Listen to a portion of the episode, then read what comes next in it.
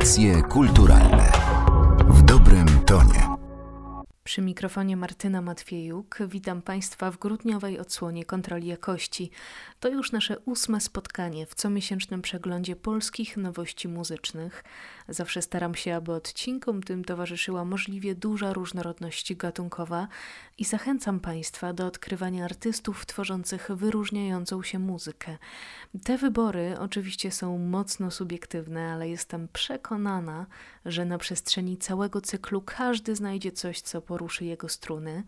Zaczniemy dziś od singla duetu Blauka, który tworzą Georgina Tarasiuk i Piotr Lewańczyk. Trefne Fanty to zapowiedź drugiego albumu.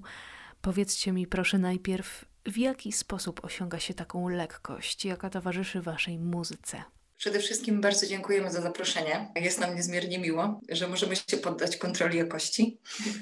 A pytanie e, dotyczy lekkości. To jest trudne do uchwycenia, to prawda, bo nasza muzyka ma w sobie takie dwa bieguny, bo często w warstwie tekstowej jest to ona w jakiś sposób zagadkowa i często można się doszukiwać jakichś e, różnych znaczeń, a w warstwie muzycznej można tą lekkość poczuć. I ja nie do końca nazwałabym ją lekką, chociaż na pierwszy rzut oka może takie wrażenie stwarzać. Tak, myślę, że ta lekkość y, głównie jest tutaj spowodowana y, sferą muzyczną, ponieważ mimo wszystko, tak patrząc czysto merytorycznie pod kątem muzyki, no są to w większości tonaty durowe, raczej lżejsze, natomiast tą równowagę gdzieś tam powoduje sfera tekstowa, która jest po prostu prostu w opozycji do tego, co się dzieje w muzyce. W waszym brzmieniu można też usłyszeć sporo takich psychodelicznych nawiązań, może nawet e, zaryzykować pewną fascynację vintage'ową stylistyką. Skąd się to w was bierze? Są to w dużej mierze takie inspiracje nasze w moim przypadku młodzieńcze, ponieważ w, w wieku 16-17 lat bardzo dużo słuchałem muzyki naszych rodziców, można by powiedzieć, czyli rockowej muzyki lat 70. i zespołów takich jak Genesis, Yes, Pink Floyd. I być może stąd gdzieś taki kierunek vintage'owy, czyli taki bardziej uderzający w starsze brzmienie gitar, w starsze brzmienie instrumentów i, i ogólny taki raczej oldschoolowy pogląd na całość, więc to jest być może tego przyczyną i jakoś wydaje się, że chyba po prostu bardzo dobrze się w tym odnaleźliśmy. To jest z nami tożsame. Oboje gustujemy mniej więcej w podobnej stylistyce muzycznej i dopełniamy się inspiracjami i okazuje się, że te zespoły na przykład, których nawzajem nie znaliśmy, a sobie je pokazujemy, jakby trafiają w, na, w nasze jakieś tam spektrum muzyczne, które nam się podoba, więc fajnie jest też w naszej relacji e, wzajemnie się inspirować tym, co poznaję ja, tym, co Lewan też jakby muzycznie wnosi do, do Blauki i to powoduje, że cały czas się rozwijamy. Mam wrażenie, że ten nasz styl blaukowy w jakiś sposób też nie będzie czerpał tylko z tych vintage'owych brzmień, tylko przy tym materiale, który teraz tworzymy, będziemy o wiele więcej jeszcze eksperymentować i szukać innych ścieżek, w które moglibyśmy skręcić i w które, które może by otworzyły przed nami jakieś kolejne możliwości. Tak, to prawda, bo faktycznie ta inspiracja tą muzyką lat 70. mimo wszystko w dużej mierze odnosi się do naszej debiutanckiej płyty miniatura, którą wydaliśmy rok temu. Natomiast teraz w momencie, w którym nasza stylistyka w naszym odczuciu jest jak, jakoś zakotwiczona. Myślę, że można odbić już dalej i lekko porzucić e, takie uczepienie się wcześniejszych inspiracji, może tak. Mhm. Ale te nurty vintage'owe znajdują również swoje odzwierciedlenie w wideoklipie do trefnych fantów. No i nie sposób nie wspomnieć w przypadku Blauki o tym właśnie aspekcie wizualnym. Da się szybko odczuć, że to jak wydana jest wasza muzyka i to w jaki sposób jest podana jest dla was bardzo istotne. Po czyjej stronie leży ta dbałość o detale, grafiki, stroje? O cały w zasadzie świat Blauki. Pierwszym punktem i pierwszym krokiem, który jakby spowodował, że poszło to w tą stronę, była muzyka, bo jakby tworząc tą stronę wizualną, e, nie mogliśmy jakby nie odzwierciedlić jej poniekąd w, w obrazie. Chyba na początku też poszukując e, tego, co chcielibyśmy pokazać, nie wiedzieliśmy, że to się w ten sposób rozwinie, bo przy pierwszych teledyskach mam wrażenie, że wiele rzeczy też się uczyliśmy, ale podobnie jak w muzyce inspirują nas podobne obrazy, więc no te teledyski chcielibyśmy, żeby one były nowym polem do interpretacji dla naszych słuchaczy, żeby im to ułatwiło wejście w ten nasz świat. Dlatego stawiamy na to, żeby te obrazy były wyjątkowe i pozwalały słuchaczowi wyłuskać coś dla siebie jeszcze dodatkowo wizualnie, to też jest ważne. Ja wiem, że nie wszyscy twórcy jakby podkreślają swoją muzykę obrazem, ale jak się okazuje, my się w tym bardzo dobrze odnajdujemy i z każdym teledyskiem jakby szukamy jeszcze lepszej jakości i szukamy jeszcze czegoś ciekawszego, co będzie dla nas wyzwaniem, bo ostatni teledysk, Trefne Fanty, wydaje mi się, że był takim największym przedsięwzięciem dla nas. No mam nadzieję, że to widać w jakiś sposób. Tak, natomiast jeżeli chodzi o pomysły, o które pytałaś, w dużej mierze wychodzą one od nas, natomiast sami prawdopodobnie nie zrobilibyśmy nic, gdyby nie fantastyczna ekipa i ludzie, z którymi udało nam się te teledyski zrobić. Mowa tutaj o Oldze Czyżykiewicz, która zrobiła z nami pierwsze dwa teledyski i o Mateuszu Białęckim, który zrobił przedostatni teledysk Fantazmat i o właśnie ostatni do najnowszego singla Trefne Fanty. Także y, w pewnym momencie dochodzi do etapu bardzo takiej kolektywnej pracy. Na pewno jest tutaj wiele ojców tak. Y, tych wszystkich rzeczy, które można zobaczyć w obrazie. Georgina powiedziała, że oczywiście nie wszyscy muzycy mają takie zdolności czy taką potrzebę, aby swoją twórczość dopełniać, poszerzać obrazem. A macie może jakieś takie swoje ikony stylu czy postaci, które udowadniają, że stworzenie pewnego wielowymiarowego uniwersum wykonawcy jest szczególnie atrakcyjne dla niektórych przynajmniej odbiorców? Ja w dużej mierze muszę się przyznać, że zaczęłam przykładać uwagę do klipów w momencie, kiedy sami zaczęliśmy je tworzyć. Bo często jest tak, że jednak muzyka jest na tym pierwszym planie i słucha się piosenek po wielokroć i nie wie się, jaki jest teledysk do tej piosenki. I nagle okazuje się, że na przykład jeżeli słuchasz muzyki, nie wiem, zespołu Pink Floyd czy Genesis, nawet o tym wspomniałeś wcześniej, mhm. i oglądasz te klipy po iluś latach, kiedy tylko słuchałeś muzyki, okazuje się, że ta historia ma dalszy ciąg. Więc ja nie mam takich e, bezpośrednich inspiracji, bo to wydaje mi się, że wynika też z tego, co poznajesz przez całe życie, bo to jest inspiracja i architekturą, i sztuką jakąś samą w sobie, i też modą. Wiele e, aspektów się na to składa i ciężko jest wymienić takie guru swoje, w które jesteś zapatrzony przez cały czas, bo też to się zmienia w jakiś sposób. Na pewno w obecnych czasach można zaobserwować wzmożoną dbałość o sferę wizualną w e, polskiej muzyce głównie. Tak mam wrażenie, że przez ostatnie 6 lat jakoś polscy artyści zwrócili na to uwagę i, i faktycznie ta sfera wizualna jest jest y, taka bardzo kreatywna. Nie wiem, chociażby Monika Brodka, czy chociażby ostatnie wydawnictwa Kasilins na przykład, czyli takie bardzo estetycznie, wizualnie podane. Tworzące jakiś cały koncept. Tak. Jakąś tak, wspólną, tak. wspólny mianownik, pełną myśl, którą przekazując słuchaczowi,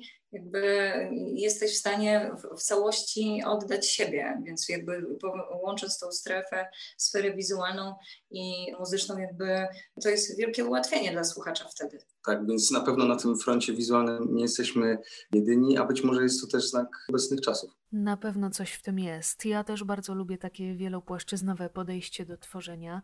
Chciałam Was jeszcze zapytać o taką bardzo osobistą sprawę, mianowicie o powód, dla którego w ogóle zajmujecie się muzyką.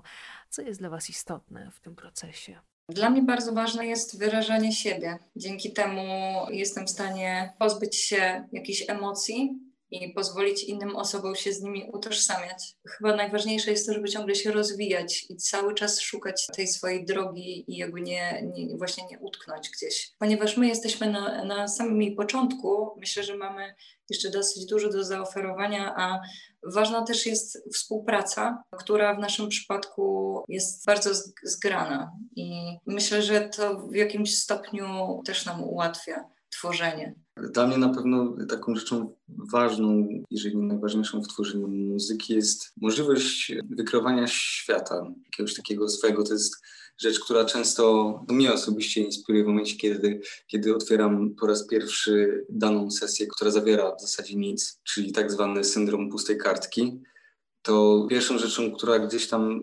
inspiruje mnie do tworzenia, to jest chęć stworzenia świata, do którego można zaprosić y, słuchacza.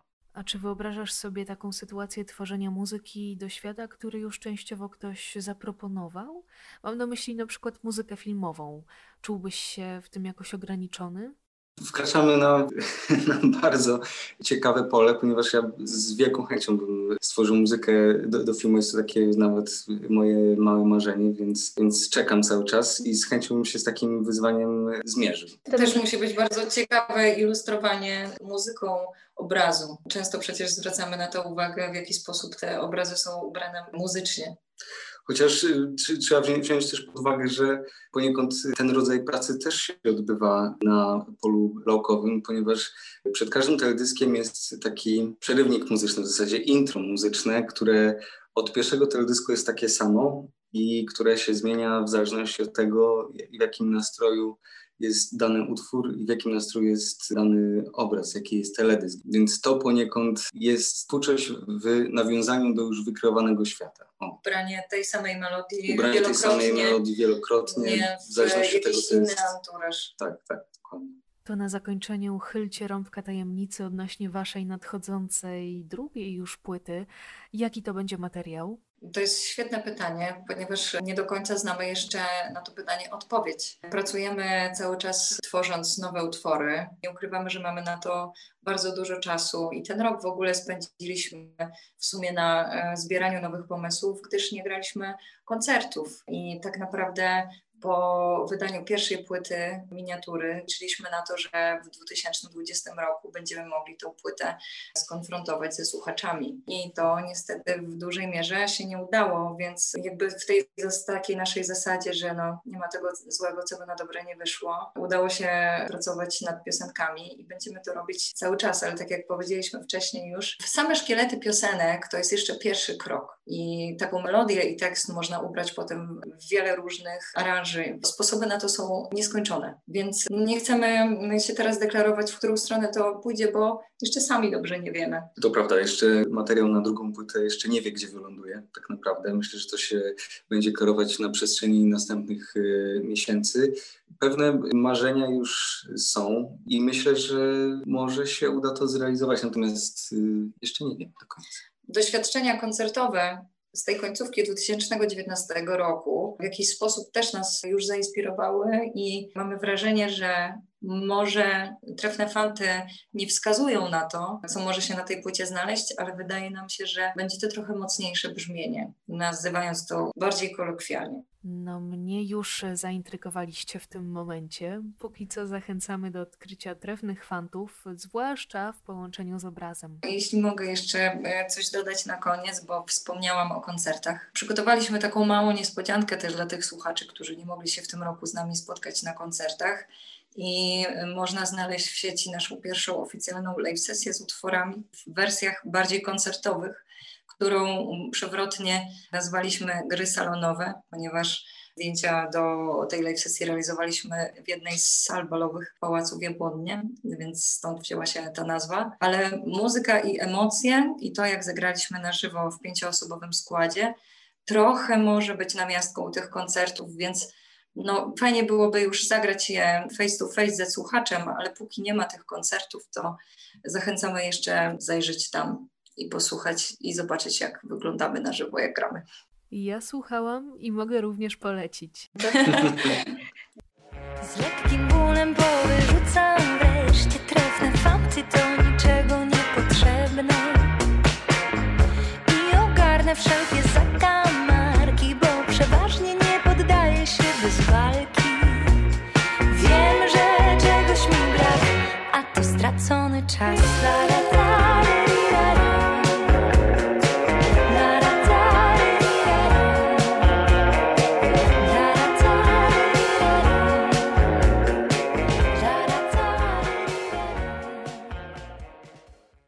razem sięgnijmy po elektronikę i najnowszą płytę Patryka Kanona. Na Living Inside znalazło się pięć zgoła odmiennych kompozycji stworzonych przy użyciu syntezatorów.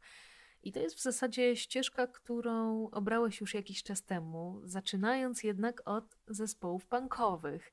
Pamiętasz ten moment, y, w którym odłożyłeś gitarę i po raz pierwszy usiadłeś do syntezatora? Czy pamiętam dokładnie? No chyba nie, bo to już było jakiś czas temu. Jakiś tam pewnie 2006 rok, coś koło tego.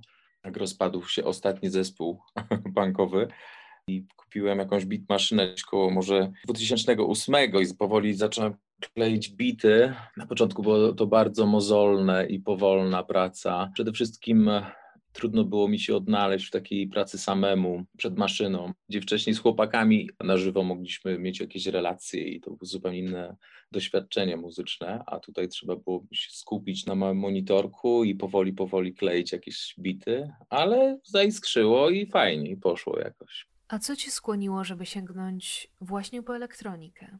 Wiesz co, no to myślę, że muzyka jakoś jest ważna w moim życiu, a dlatego, że mieszkam na prowincji i nie, nie ma tutaj tylu muzyków dookoła, tak żeby się nagle z kimś spotkać znowu, a życie jakoś nas rozdzieliło z chłopakami i ten zespół się rozpadł. Podejrzewam, tak jak to bywa w większości zespołów, jest jakaś nowa historia. No i chęć jakieś tworzenia dalej czegoś, nie?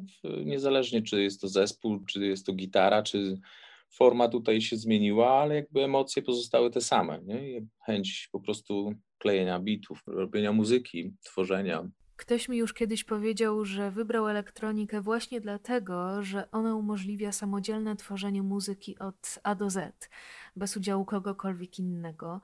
I ja się wielokrotnie zastanawiam nad siłą tego gatunku i nad jego nieograniczonością również w tym kontekście.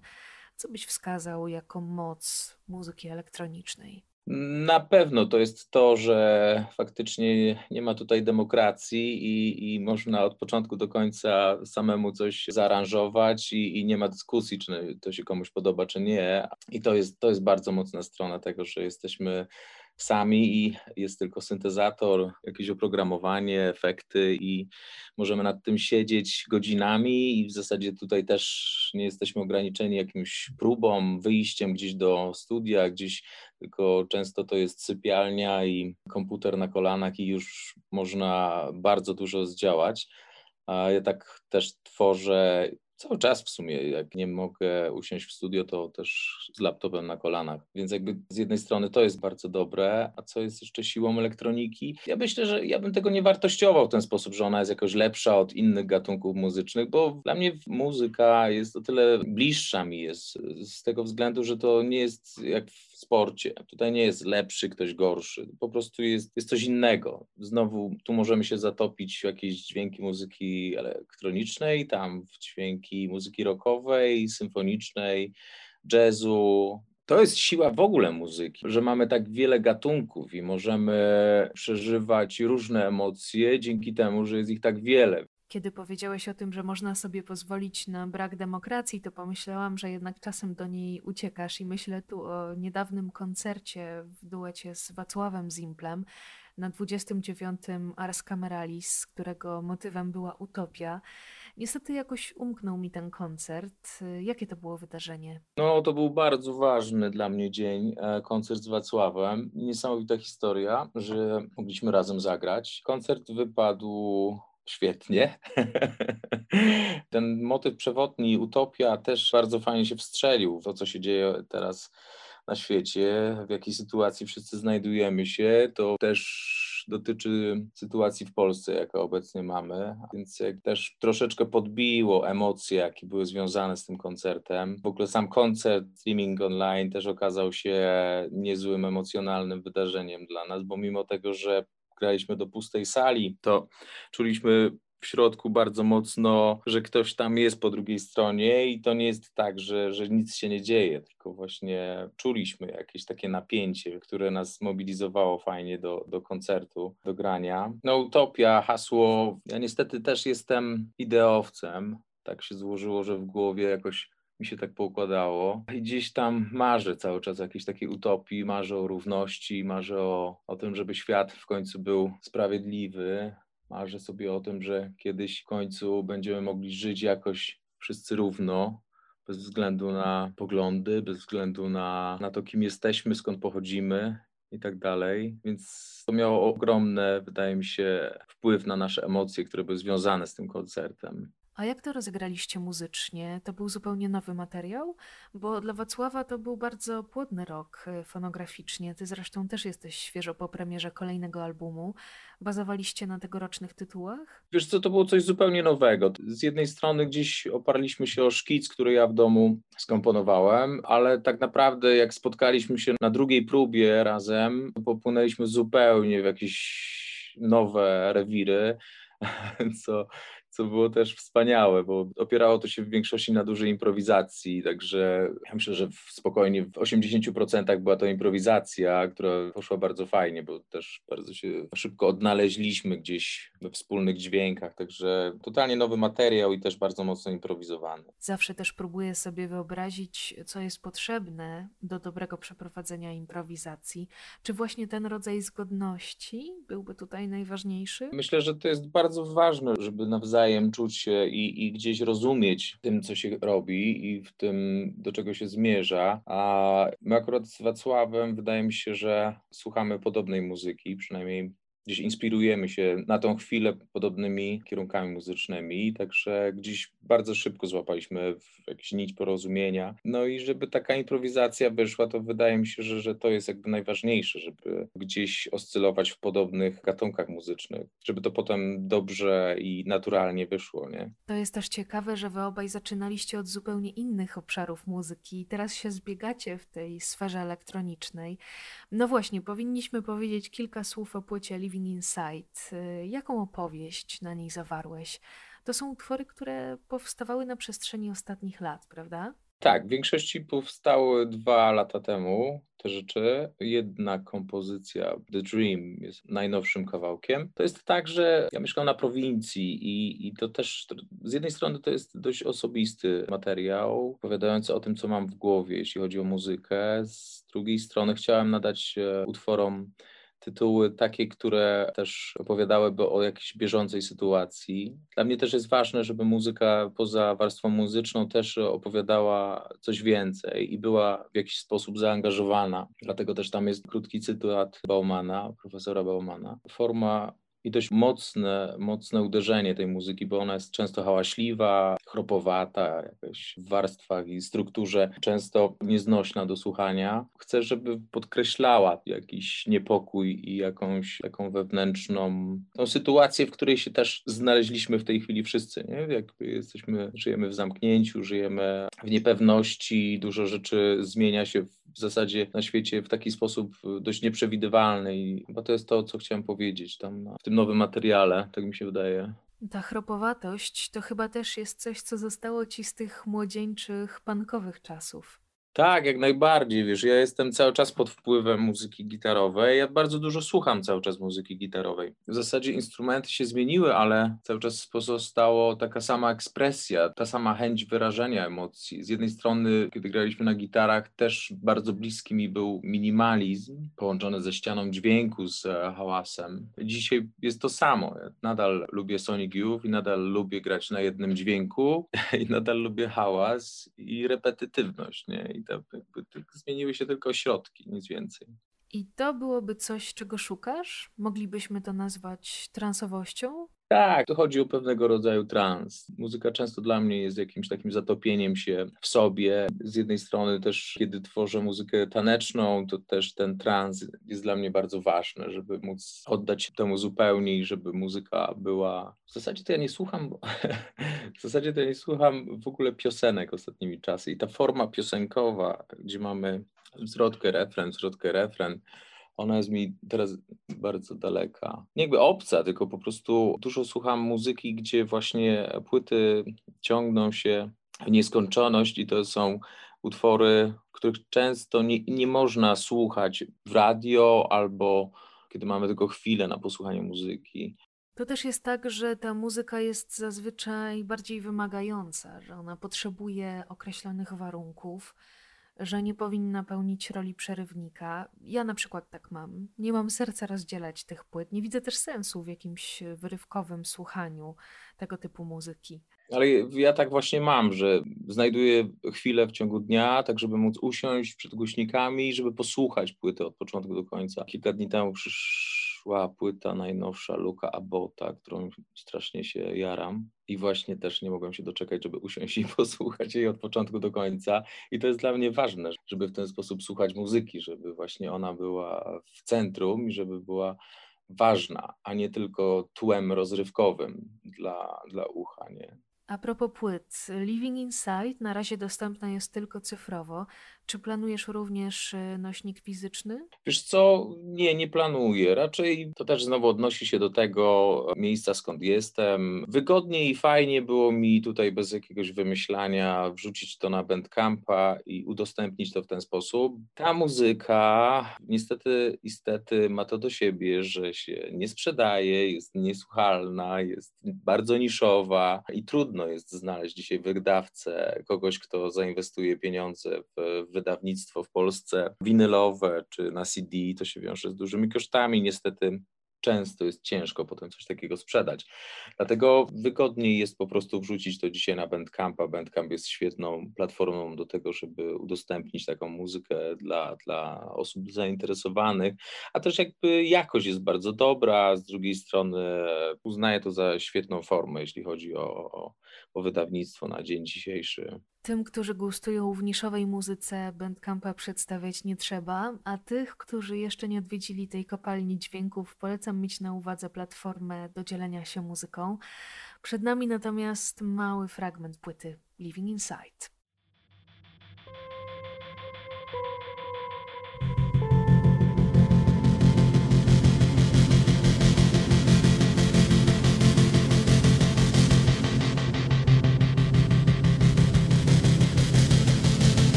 Trzecim wydawnictwem w tym odcinku jest płyta zatytułowana Cisza w bloku, album, który towarzyszy mi ostatnio non-stop. Y, chociaż jest to debiut Triananga, to muzycy, którzy go tworzą, nie są postaciami nowymi na polskiej scenie.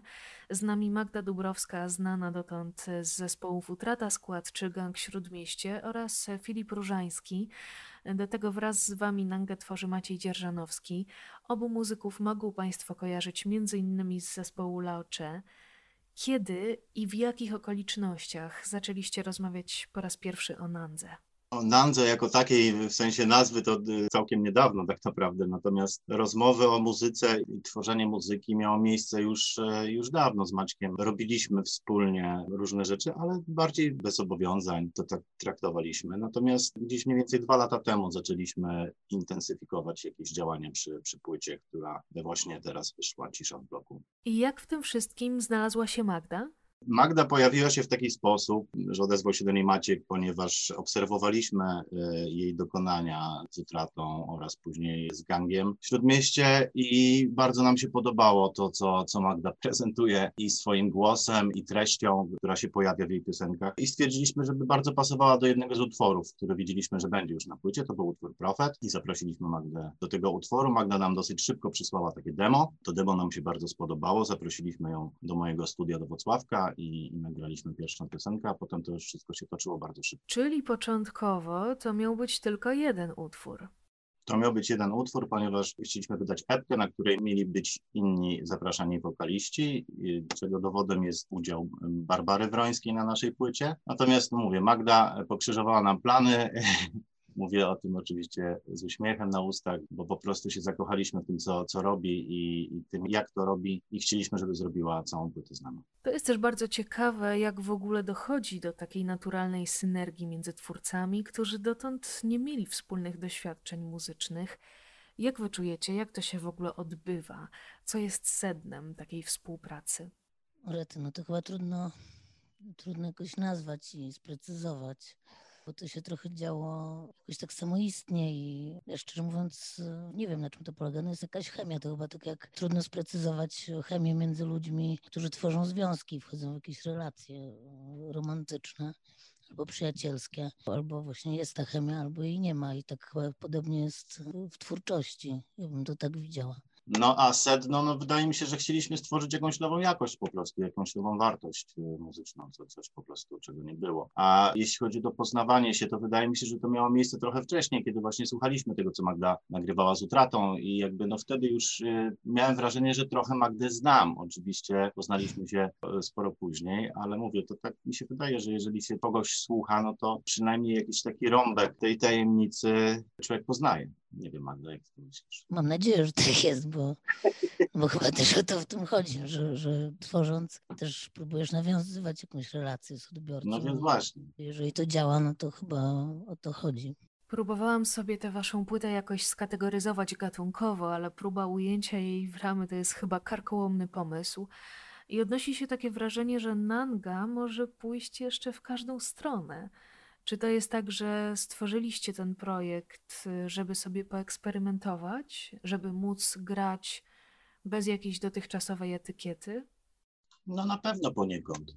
No dla mnie to całe to przedsięwzięcie było jednym wielkim eksperymentem w tym sensie, że pierwszy raz e, na przykład w ten sposób pracowałam, czyli pisałam teksty do, do muzyki i to jeszcze dostałam jakby wiele tych utworów naraz, co też było dużym wyzwaniem. Nowi ludzie, nowa muzyka, no to, to wszystko było nowe i w tym kontekście jakby było to dla mnie eksperymentem. No chociaż no, muzycznie też, bo było to rzeczywiście coś innego niż na przykład utrata czy gang no, muzycznie. Mam wrażenie, że wokalnie tutaj prezentuje jeszcze inną stronę niż swoją, niż, niż w utracie, tak, kiedy to było bardziej punkowe, bardziej wykrzyczane. Tu jest jednak dużo więcej liryzmu i na takiej fali jest to raczej melancholijnej niż, niż wkurzonej.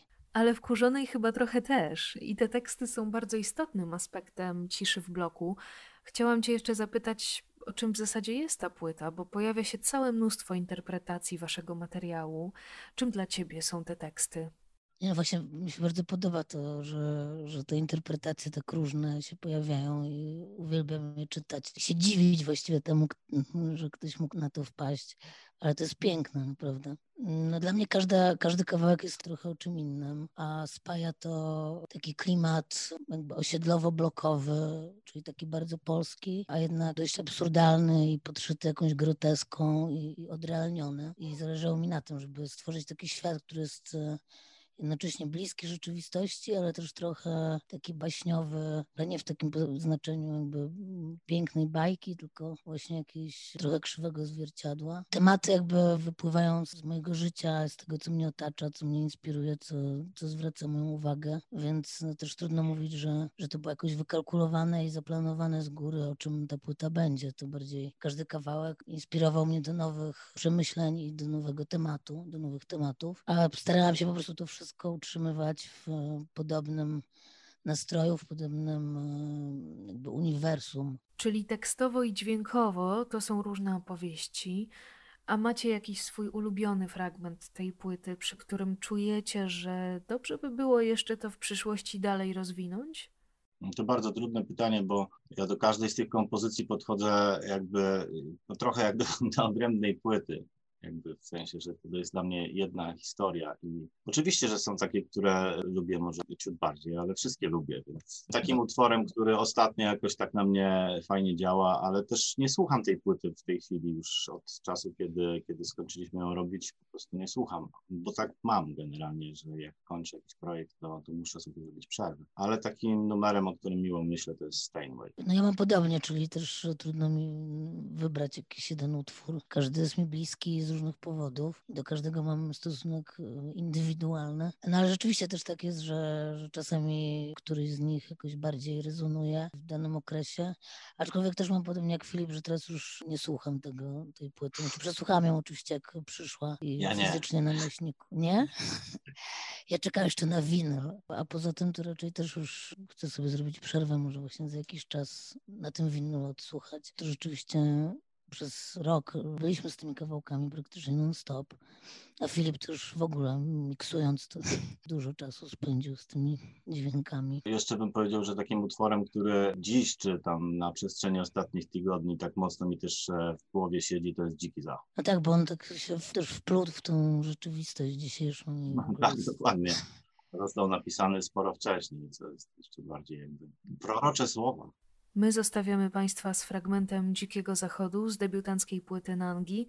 Jak zawsze listę wszystkich nowości znajdą Państwo w opisie podcastu. Tam też proszę szukać drogi na skróty do poprzednich odcinków kontroli jakości. Martyna Matwiejuk, bardzo dziękuję i do usłyszenia. Jestem kowbojką z miasta, jedną z ostatnich. Z estakady zarzucę pętlę lasa i złapię mustanga. Zabieraj tego rumaka z miejsca dla niepełnosprawnych. Dziki zachód, dziki wschód. Tu na dziko mieszka się, tu nie ma się snów. Tu już nie ma złota, został tylko kurz. Miasto pada trup. Dziki zachód, dziki wschód. Dziki zachód, a dziki wschód Tu nikt nie pamięta już kiedy upadł mur Tu na ostatniej dzikiej plaży dziki tłum Dziki zachód Audycje kulturalne w dobrym tonie.